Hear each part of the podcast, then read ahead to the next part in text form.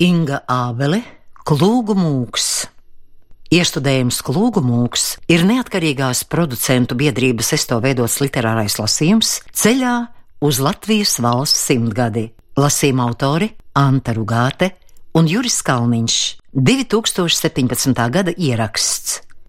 Romāna radiolasījumā darbojas Anta Rugāte, Raimonds Salms, Gins Grāvelis, Juris Kalniņš, Mihails Karasikovs, Inga Misāne, Kristaps Rasims. 16. lasījums.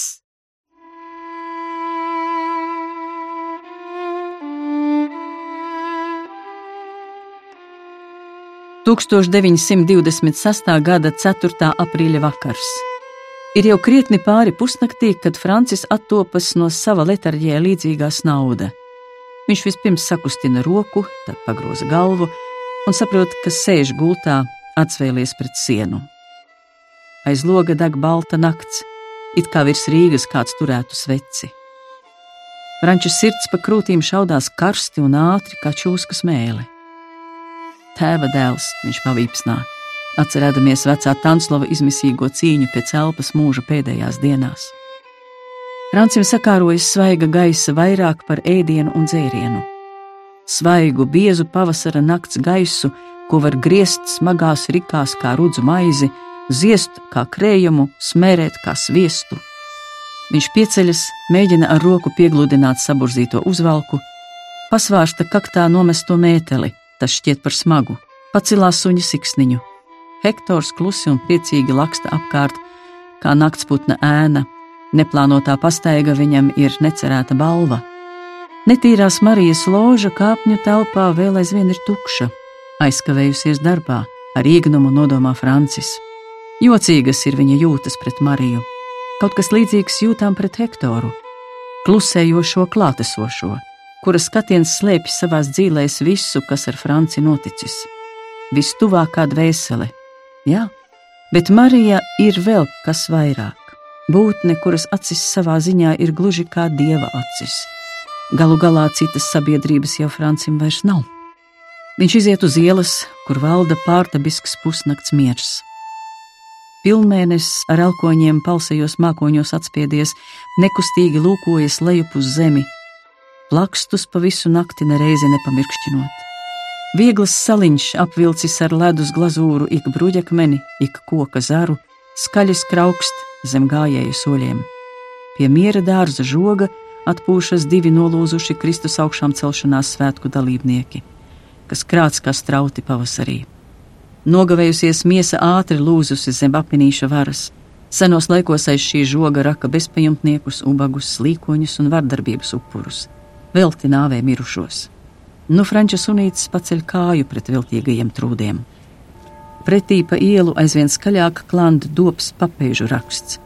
Tie nav smalku zābaku papēži, visticamāk kādi daudz lāpīti kareivju tanki, pievaskoti, notrānoti, kam nolāpītās zoles atgādina senu mozaīku. Francis ieskatās. Šie tanki nes nevis druknu kareivju miesu, bet jaunas sievietes stāvu, grīlīgu un plandošu kā liesma.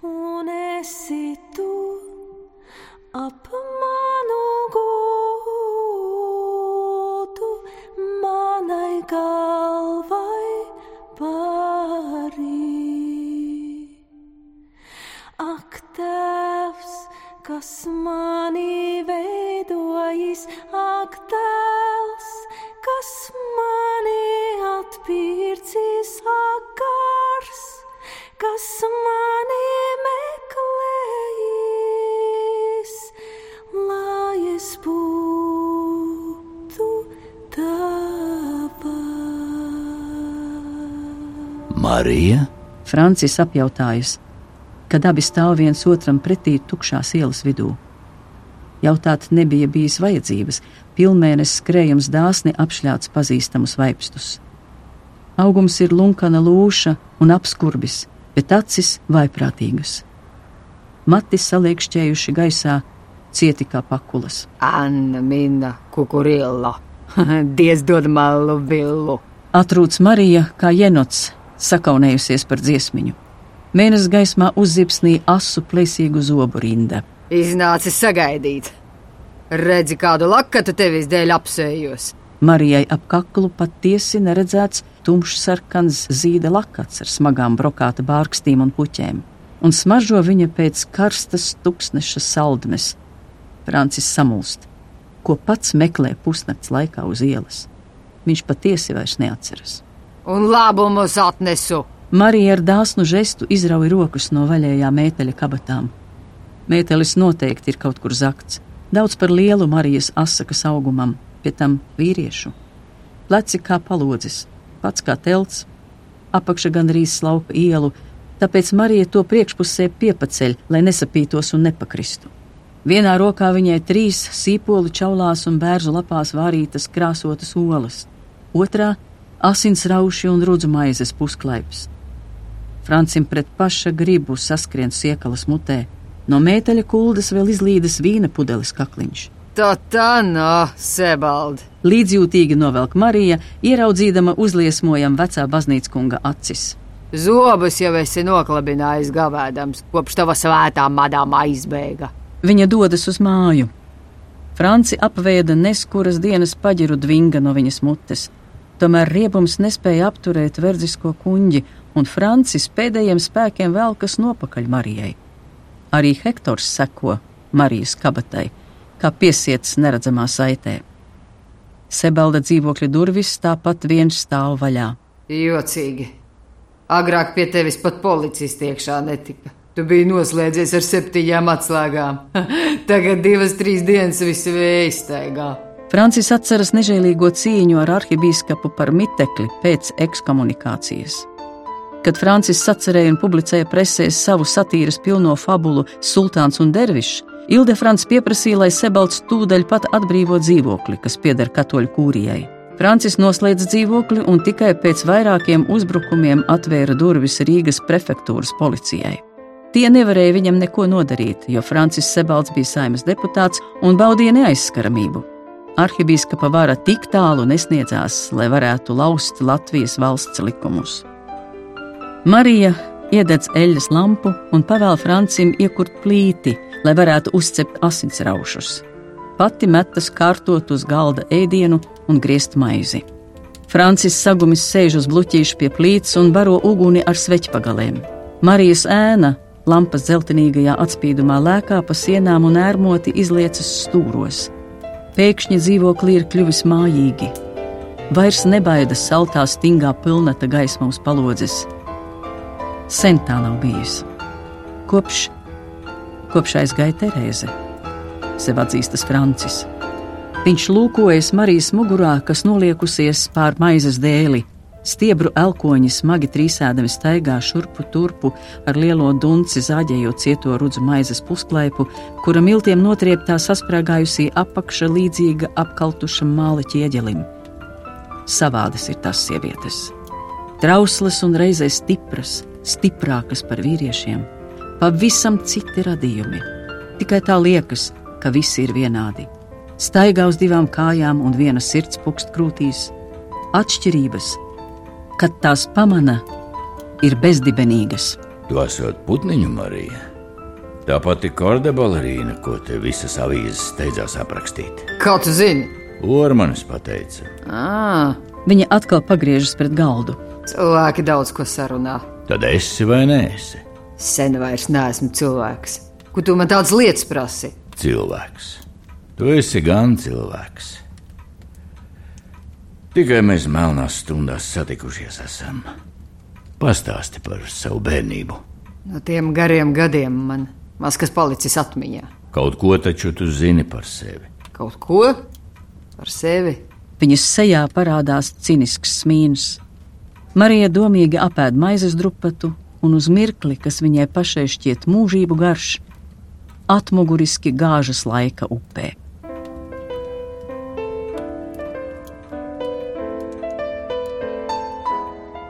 Pēc Arhangelskas putniņu familija aizbrauca uz Murmansku, pēc tam uz Urāliem, bet tur sabija īsu brīdi. Viņus sasniedza ziņa, ka ir nodibināta Latvija. Nu viņiem bija mājas, kur atgriezties. Sibīrijas ekspresa vilcienā Marija satika ņušu.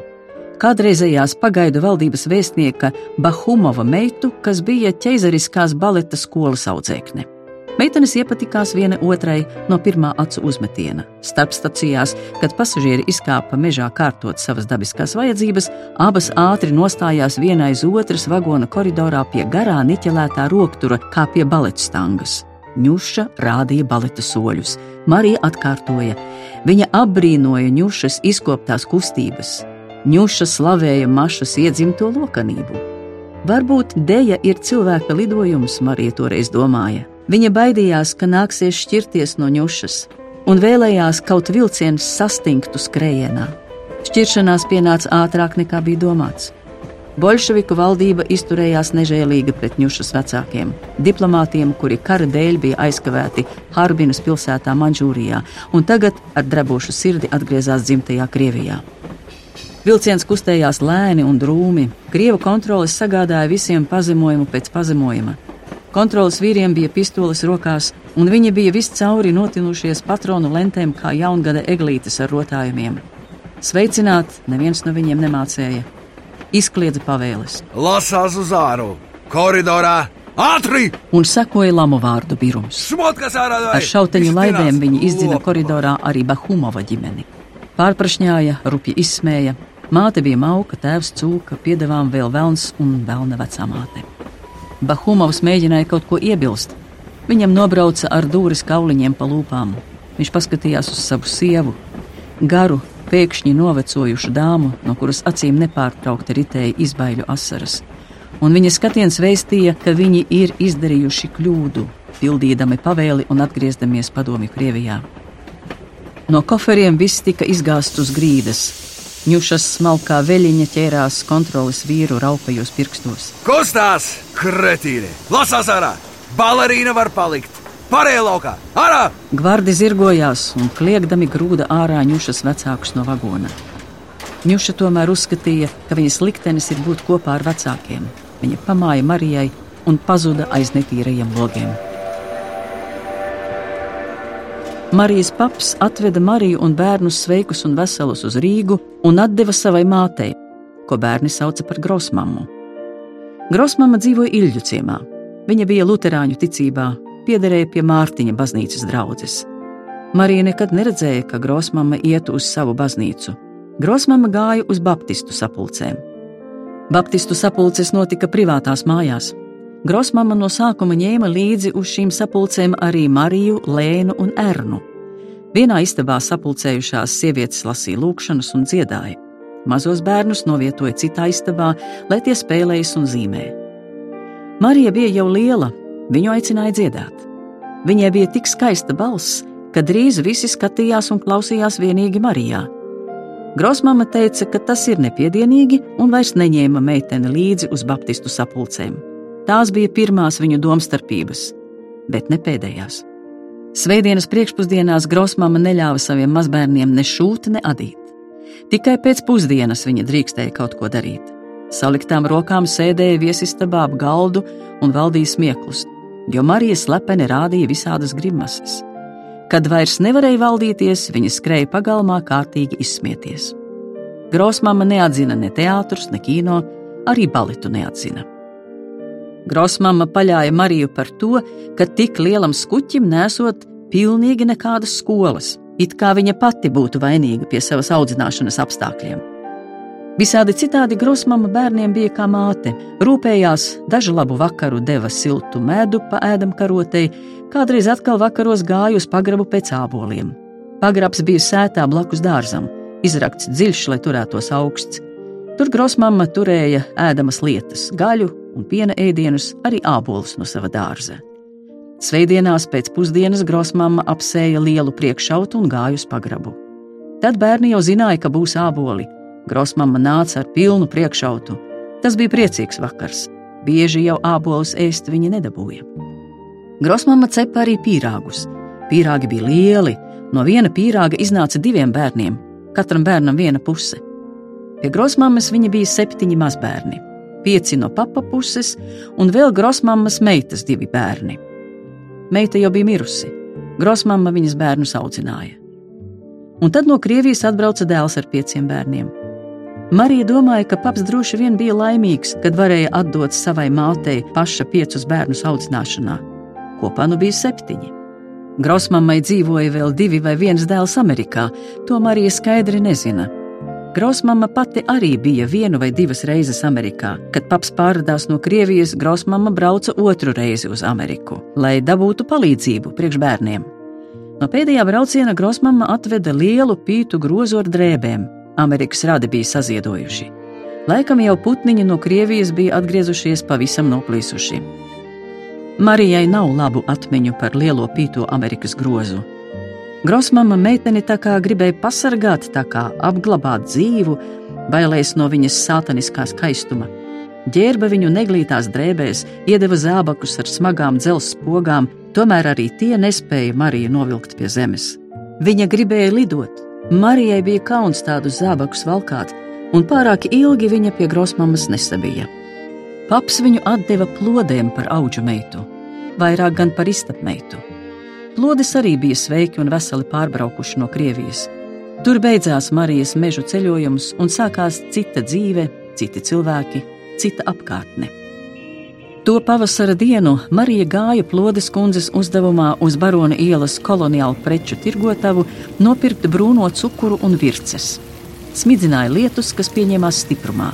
Marijai nebija līdzi lietus sarga, tāpēc viņa iegāja pastāvēt kādās durvīs Barona un Elizabetes ielas stūrī nostājās priekštelpā aiz stiklota veitvera, lai ienācēji varētu tikt garām. Liels sludinājums bija piesprāstīts augstu pie durvīm. Latvijas Nacionālās operas baleta nodeļa pieņems savā studijā koristus. Tas taču bija tieši tas, ko viņa dzīvē visvairāk kalpa darīt. Marija lēni noraisīja priekšautu un sagumzījusi pasliepa metālēna kabatā.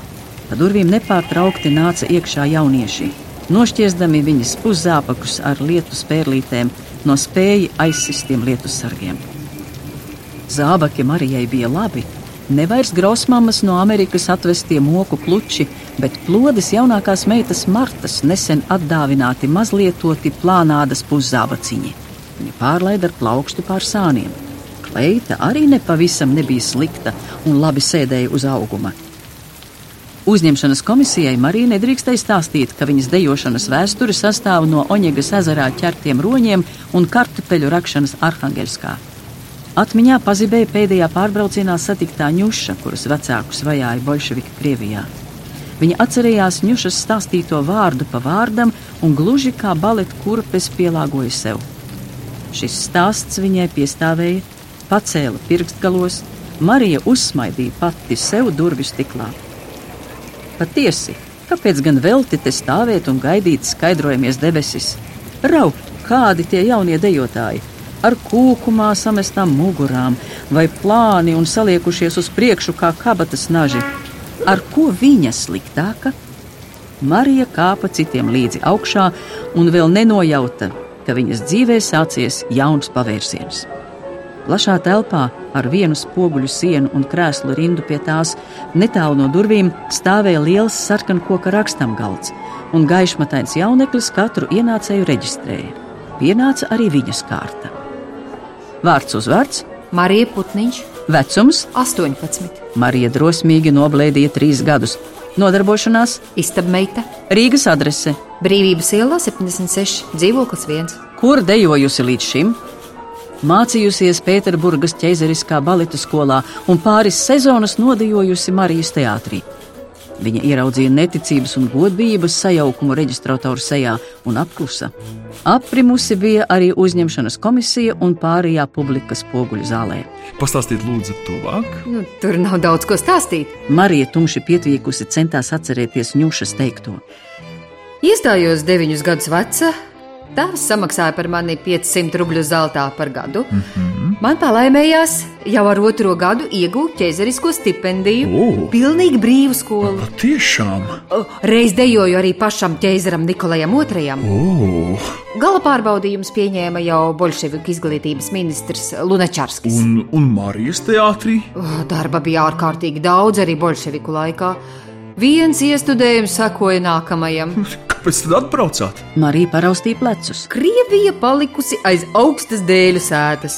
Pamazām slīkst nabadzībā un tumsā.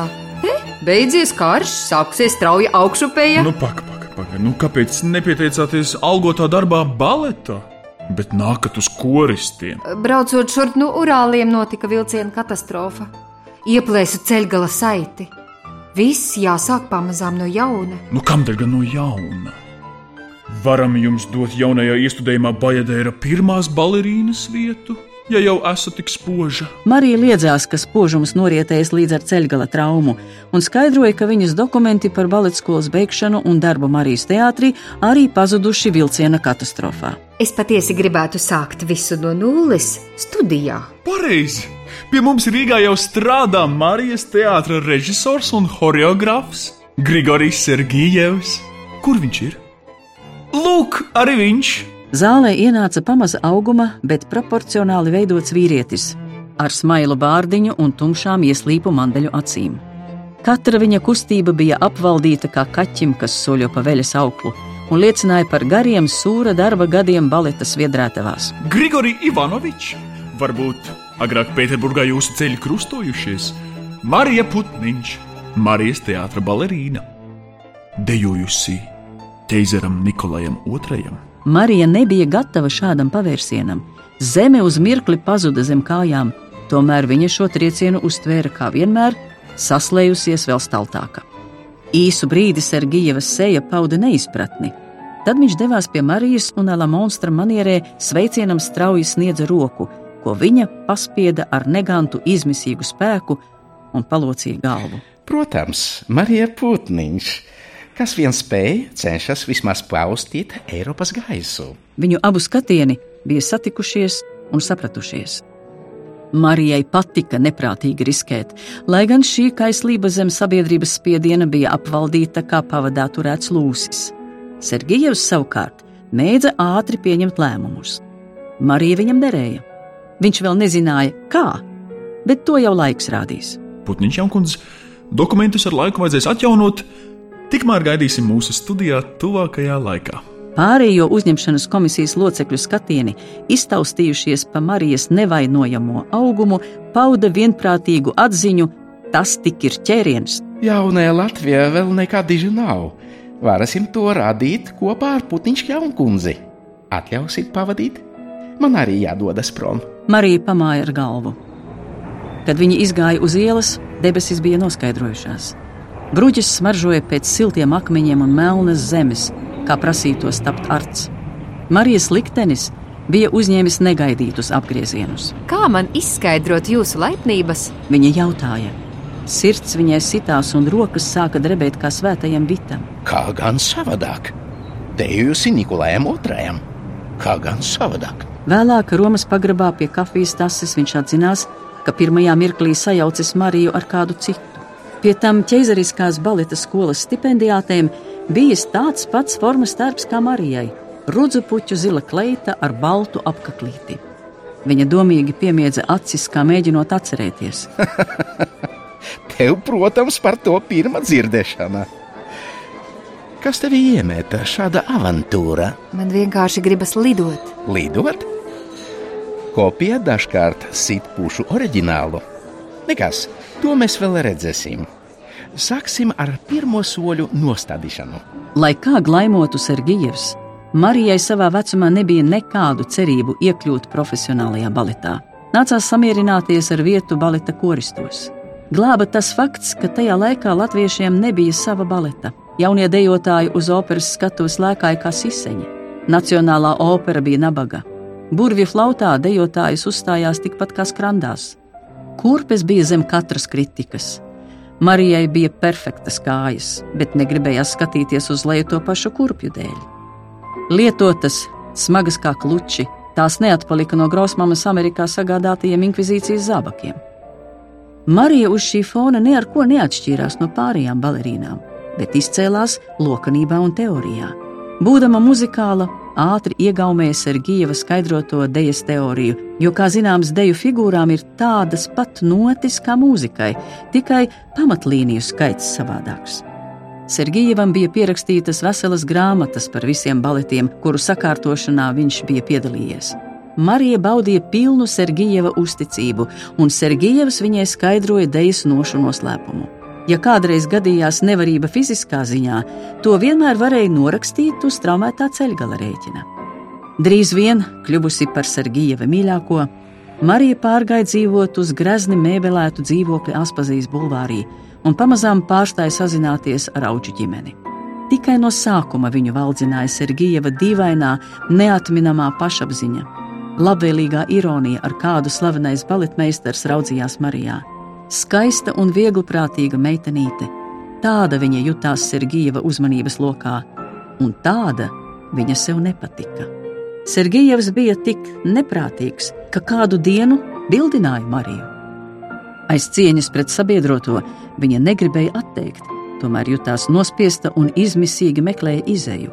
Kāzas nepavisam neietilpa Marijas plānos. Tomēr viņi gatavojās kāzām, un Grosmama brauca ciemos no Ilģu ciema ar savu katlu un pannu.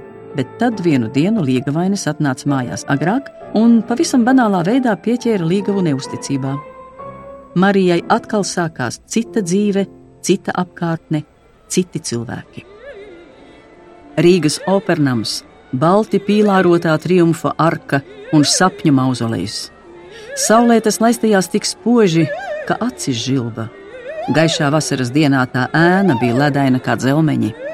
Kad par sevi nepārliecināts cilvēks iegāja tajā, sajūta vēl lielākas šaubas un atstumtību no dzīves. Tur pulcējās mākslinieki bohēmisti, un to iedomas, ka māksla pieprasa trakošanu, pārmērības un pagrimšanu.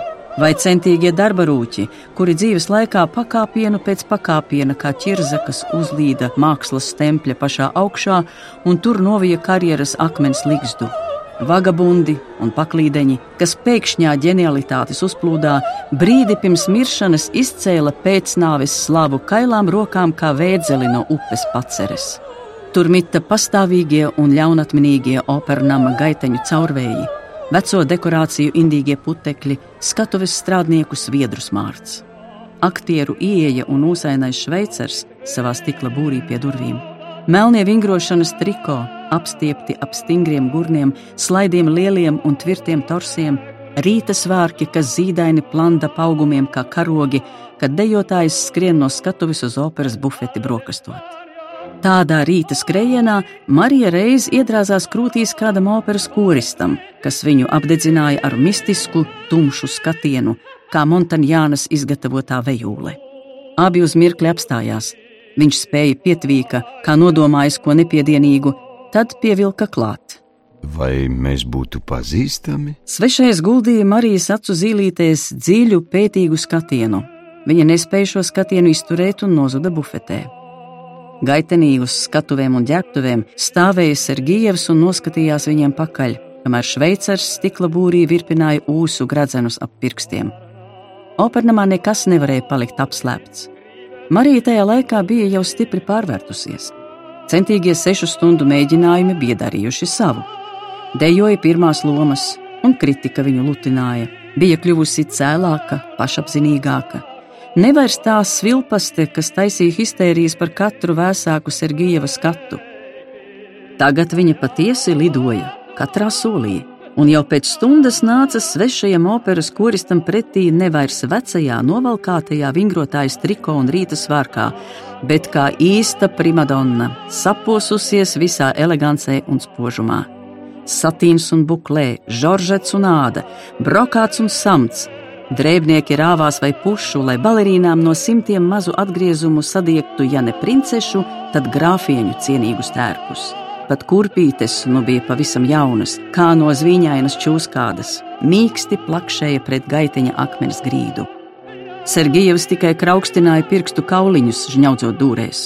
Jau labu laiku Mariju vajāja viņa drūmais skatiens. Viņš bija iemīlējies, varbūt pirmo reizi dzīvē tik pilnīgi, galīgi, fatāli, bet saprata, ka opernamā viņam nav nekādu cerību Mariju paturēt vienīgi sev. Ciniski, bet nākas atzīt, ka Baltais nams ir viskaistāko ķermeņu un visgraciozāko ārieņu kalve un parāde, un vienlaikus visnetīrāko dvēseļu, skandālu, bīstamas korupcijas, izlaidības un netīru darījumu aizkulises. Visus pasaules opernamus laiku pa laikam rausta gluži tāda kā elektriskā strāva. Kuram tiks galvenā loma, kurš būs horeogrāfs, kurš diriģēs pirmizrādi. Maniakāli egoistiskas personības un narcistiski raksturi ik vakaru tēlotā pazemībā noslīkst pie zemes skatuves gaismās. Nevienmēr glītajā cīņā par iekārotajām lomām palīdz pusjukuši pielūdzēji, kas savu elku vārdā ir gatavi uz jebko. Marijas raksturam, kas nebijāja ne dieva, ne velna, tas bija pazudinošs akacis. Šeit viņa jutās savā stihijā. Pašam Sergejevam par brīnumu viņa izrādījās spējīga dejotāja. Māša, apprecēsimies un aizbrauksim Uz kurieni? uz tavām bērnības vietām, uz Kostrumu, Termu vai Arhangelsku. Pats par sevi saprotams, tu astasi skatuvi. Iztrūkusies, Marija skatījās vīrietī. Tu vairs negribi, lai es dejoju? Tas ir vēlnišķīgs darbs. Vēlnišķīgs darbs, no kā ceļas eņģelisks skaistums. Zosāda pārskrēja Sergijeva ādu. Teātra gaiss, skatuves gars un iedvesmas drudzis to pārņēma kā tālajos senajos laikos, kad viņš pirmo reizi uzkāpa uz skatuves dēļiem un zeme aizsvilās zem viņa kājām. Arī Marija pazina šīs trīsas. Viņiem bija vienas asinis. Labi, paliksim, bet tu man skaties. Miltos samalšu. teica Sergijevs un padraudēja viņai ar pirkstu. Marija saprata, ka opernams viņiem abiem ir par mazu. Drīz viņas brīvībai būs pielikts punkts. Slasts aizcirtīsies, un viņa paliks divatā ar vīrieti, kuru nemīl. Tolaik jau bija sapratusi, ka tā nav mīlestība, ko viņa izjūt pret Grigoriju, bet gan savāds pateicības un spītības sajaukums.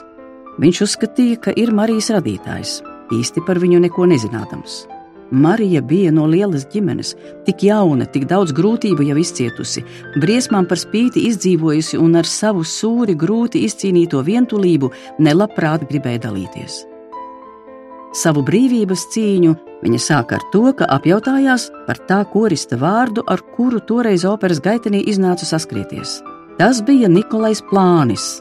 Viņš izrādījās katoļu prāvests un talantīgs mīļākais. –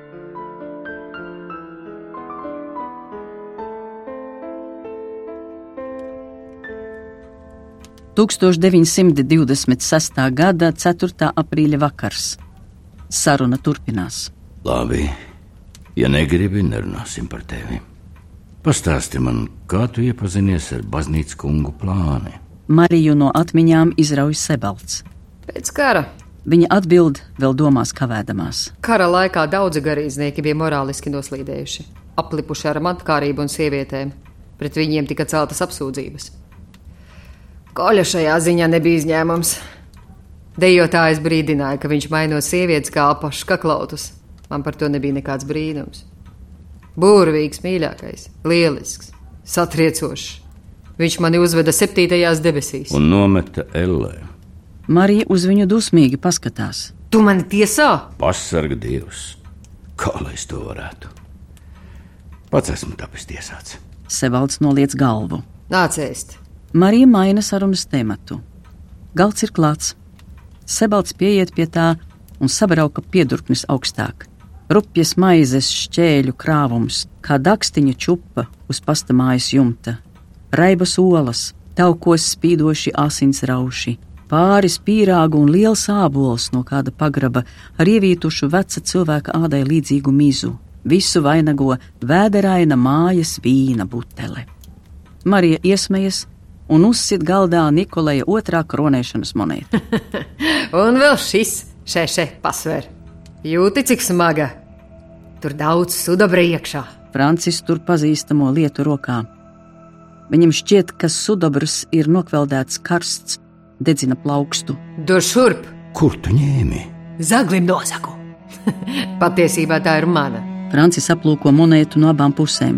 Riebīgajā laikmetā nokūpējusi melna un ieliekusies, it kā tai vidū būtu ietriekusies lode. Tā ir ļoti svarīga. Nu, ka ar to kopā es esmu atrasta Pēterburgā uz ielas. Tēvs teica, nu labi, auģu tēvs. Ubaks sen atpakaļ man to nozaga Arhangelskā. Nu labi, es pati viņam aizdevu, bet viņš neatdeva. Dievs viņu ir sodījis. Nosaldējis rokas, bez plaukstām viņš guļ dubļos pie baznīcas. Piedod viņam. Sebalds saka neskanīgā balsī ar vien vēl uz monētu un Mariju lūkodamies. Neprātīgā ātrumā viņa prātā slēdzas kopā dzīves loki, vijumu pēc vijuma un sauga vienotā veselumā. Kāds mūža stūris atkal ir izgaismots, kāds mūža stūris, kas saudzis ar citu dzīvēm. Netīrā Marija ir Zuzes otra meita, Terēzes māsa. Viņš atceras Zuzi ar kailu krūti sabradātu Hodinkas laukumā un mazu zīdaini ar dubļos iebristiem matiem viņai blakus. Viņš atceras sevi nesam šo zīdaini. Bērns nav smagāks par sebaldu lielo rupmaizes klaipu, dzīves un silts. Un tad viņš atceras sevi noliekam bērnu uz kāpnēm. Netīrā Marija uz viņa nama kāpnēm tagad. Aplis noslēdzies. It kā zuze vēl aizvien elpotu pakausī abu straujajā jāienā ar zirgu un lūgtos, re, tavās rokās, nu, otra mana meita, dari kaut ko, glāb. Viņš pēkšņi sajūt Jēzu Kristu. Jēzus stāv viņam blakus pie gultas malas. Silts un dzīves ir viņa sāns. Atsacīdamies, cilvēks ne no kā nevar atteikties, apgalvo Jēzus.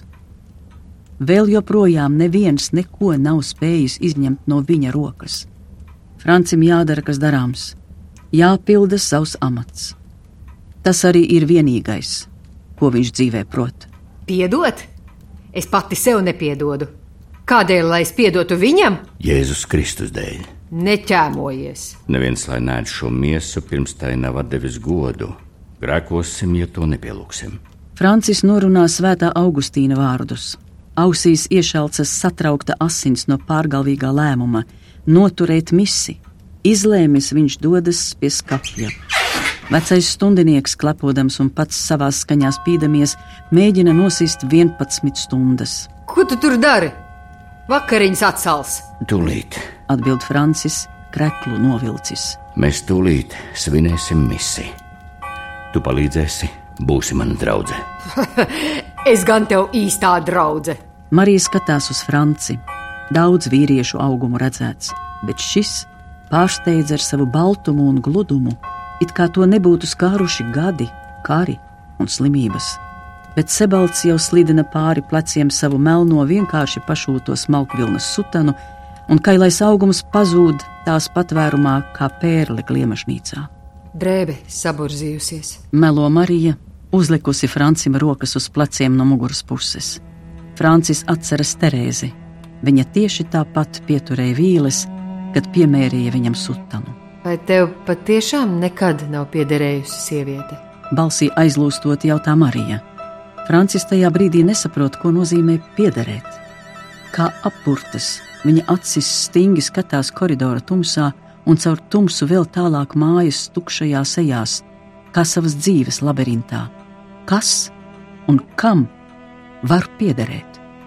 Kas tu esi, kas pieskaras no tāluma? Mana mītiskā pavadone. Tavs zemes vārds ir sieviete, bet debesu valodā - eņģelis. Tavā klusēšanā ir visi laiki kopā. Mūžīgās atgriešanās mirklis, kur uz zirga sēdēja mīlošā zuze un turējās ar ciešiem, izmisīgiem pirkstiem. Kad un kādi vēji norāva šos pirkstus, aizpūta samala. Tur ir trauslā bālā Terēze kura lielā dzelzceļa skatlā maisa kūpošu melnu virumu, krāso franča mātes doto vadmalu melnu, pēc tam piegriež un sadiedz baznīcas kungam sutanu, un to pielaikojot, tik kautri un rūpīgi tur vīles uz sebalda miesas, kā apstiprinādama mīlestība. Nav miesas kāre, un atsacīšanās ir vērtīgāka par grēka ābolu. Un visbeidzot, Marija, ievainotais putns aiz tumšā stikla Tas ilgst tikai šalti, kamēr Marija tur viņu aiz spārniem ciet.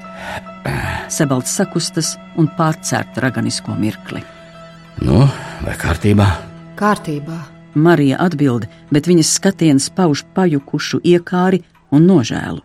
Sebaldi, vai tad tu vēl baidies no baznīcas? Tu laikam esi kritusi uz visiem katoļu priesteriem. Tikai uz kritušajiem. Francis iesmējas un pagriež viņai savas krūtis. aizpogā.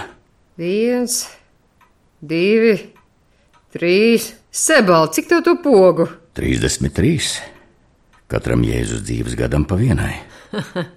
Plānim tik daudz nebija, varu apzvērēt. Marijas pirksti pinas pa pokcaurumiem. Viņa pūš baznīcas kungam sejā paģiru dvingu. Francis viebis un aizgriežas. Fuh. Dodas pats. Cik tu esi smalks? Skaidrs, ka no mums pāris nesanāks. Kā nu nesanāks? Ragana un noklīdz baznīcas kungs. Tu smejies par mums. Viņš smejas par mums. Kurš? Viņš ir taisnīgs, viņš zina visu. Es šonakt pats pārslēgšu ar viņu darību. Franča balss pēkšņi pauž mīlestību un karsmi. Viņš pieiet pie sava improvizētā altāra un paceļ sveci uz augšu. Jēzus Kristus no obraza ar dēlnām pavēris krūtis un atsedzis sarkano jēlo sirdi, nolūkojas uz abiem. Francis aizdedz ap viņu sveci pēc sveces, stiegrainajam garajam vecim piestāv sutana. Kā burvju paklājs piepaceļ no zemes. Viņam slāpst mūsu, un mums slāpst viņa. Francis teica, tad pagriežas pret Mariju, iedod viņai atšķirtu dziesmu grāmatu, paceļ rokas pret Jēzu un ilgus gadus kalpojuša baznīcas kunga balsī lūdz. Pater noster, qui est in celis, sanctificetur nomen tuum, adveniat regnum tuum, fiat voluntas tua, sicut in cielo et in terra. Panem nostrum quotidianum da nobis odie, et dimite nobis debita nostra, sicut et nos dimittimus debitoribus nostris. Et ne nos inducas in tentationem, sed libera nos a malo. Šīs lūkšanas gaismā atdzīvojas zelts pat tur, kur tas uztriepts vien niecīgā kārtā, svētbildēs, to logatās, statuju inkrustācijās, atbrīvojas, tiecas Franča lūkšanai pretī ar vāru, bet spēcīgu mirdzēšanu. Marija ar pārsteigumu ierauga, ka pat putekļi un maizes drupatas uz galda konsekrējas par zeltu, un arī uguns sveču daktīs nu deg ar zelta liesmu. Francis tikmēr ar bijību upurē maizi, paceldams augstu. Mēs slavējam tevi, Dievs, visas pasaules vaļņīk, jo no tavas devības esam sajāmuši maizi, ko tev upurējam. Šis zemes un cilvēku darba augļas kļūs mums par dzīvības maizi. Iestājas klusums. Francis paskatās uz Mariju. Tā blenš pretī kā nevainīgs bērns, acis mirkšķinot. Ko skaties? Atsaki, Francis iebaksta dziesmu grāmatā ar pirkstu, un viņa paklausīgi atsaka. Lai Dievs ir mūžam slavēts, Marijas balsī ir jauna sudabra tonis. Istabā no viņas balss atdzīvojas viss tur esošais baltais dārgmetāls, uzzied blāzmā ap priekšmetiem un ietver mirdzošā aplī arī Marijas seju. Vēl nesen netīrais cilvēkbērns pēkšņi izskatās Jēzus rokas skarts, pelēka stirna ar gaismas spoguli pierē. Francis pateicībā par šo brīnumu biķerī ielēja vīnu, pievienojot dažus pilienus ūdens un upurē, paceldams augstu. Dorikungs, lai ar šo ūdeņu un veina konsekrāciju mēs varētu ņemt daļēju Kristus dievišķībā, kurš ir vēlījis pieņemt mūsu cilvēcisko dobu. Šis veina kūka un cilvēku darba augļas kļūs mums par gorēgu dzērieni. lai Dievs ir mūžam slavēts. Via tuum est regnum et potestas et gloria in saecula. Padomini sit semper vobiscum. Francis mazgā rokas un paceļ tās augstu. Mozgai mani Dievs, te ir no nūzīdzības traipa un škeistē mani no grāka. Iestājas klusums. Francis palūkojas uz sievieti, bet Marija ar troksni aizsit grāmatu. Sebaldi, tā nedrīkst. Tā, tā ir varmācība, jo man tagad jāsaka tas, ko es nedomāju. Viņa cenšas izvairīties viegli un nepiespiesti it kā tērzētu par linu cenām centrāla tirgū. Un tu domā, ka tā nav varmācība? Man tas sēdēt vienā istabā ar cilvēku, kam nogalināt ir tikpat viegli kā uzsist knipī. Spējas dusmas rausta Franča sejas muskuļus, pār pieri pietūkusi zila dzīsla. Varbūt tās ir tikai bažas, ka Marija varētu izjaukt improvizēto misi, bet viņa nobāl kā sabārts bērns. Lūdzu, turpini. Saka, ka grēks sūdz līdzot arī tiem, kas tai netic. Marija negribīgi atšķir grāmatu un turpina. Kur nu palika?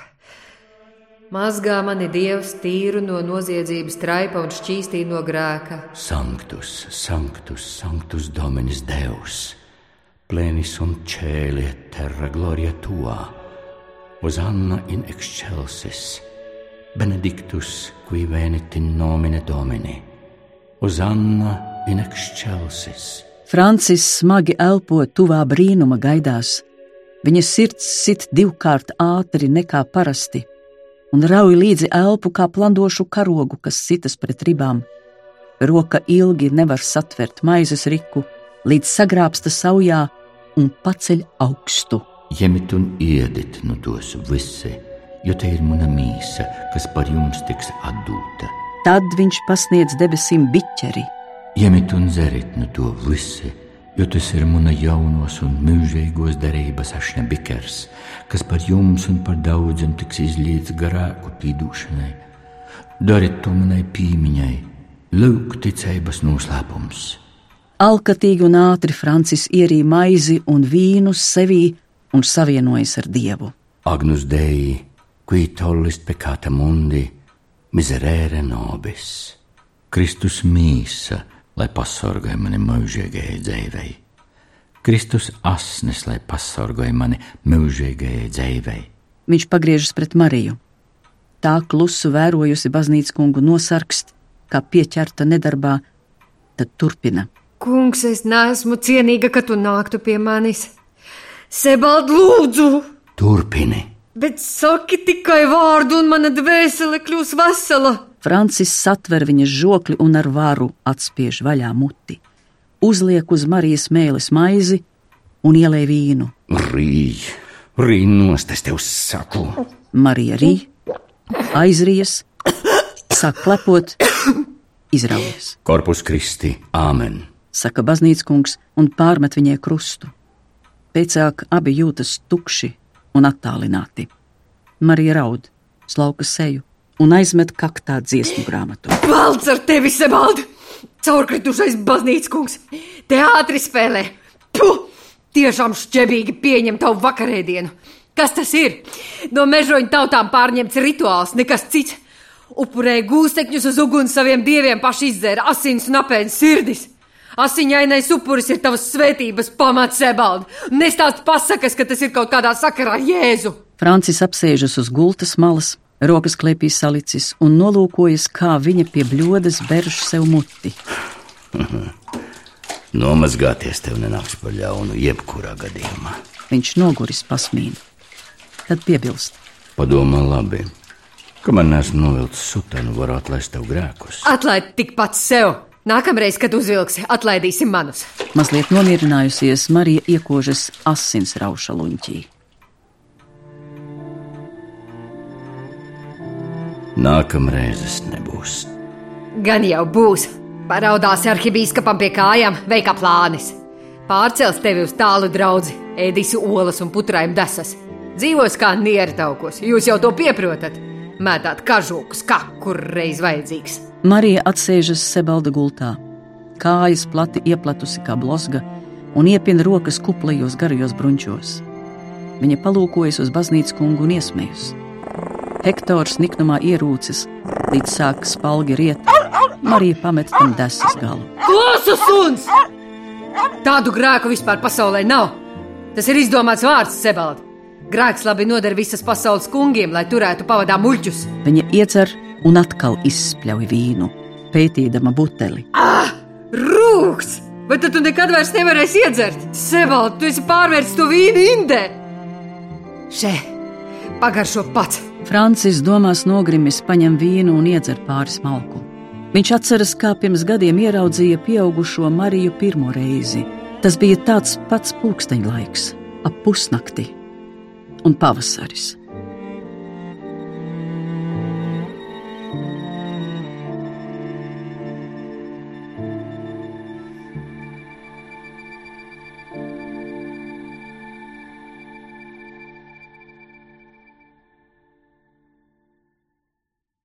Izskanēja Latgales Latviešu kongresa un Latvijas valsts simtgadē veltītais Inga Sābeles romāna Klūgumūks Latgales radio lielieskaņojuma 16. lasījums.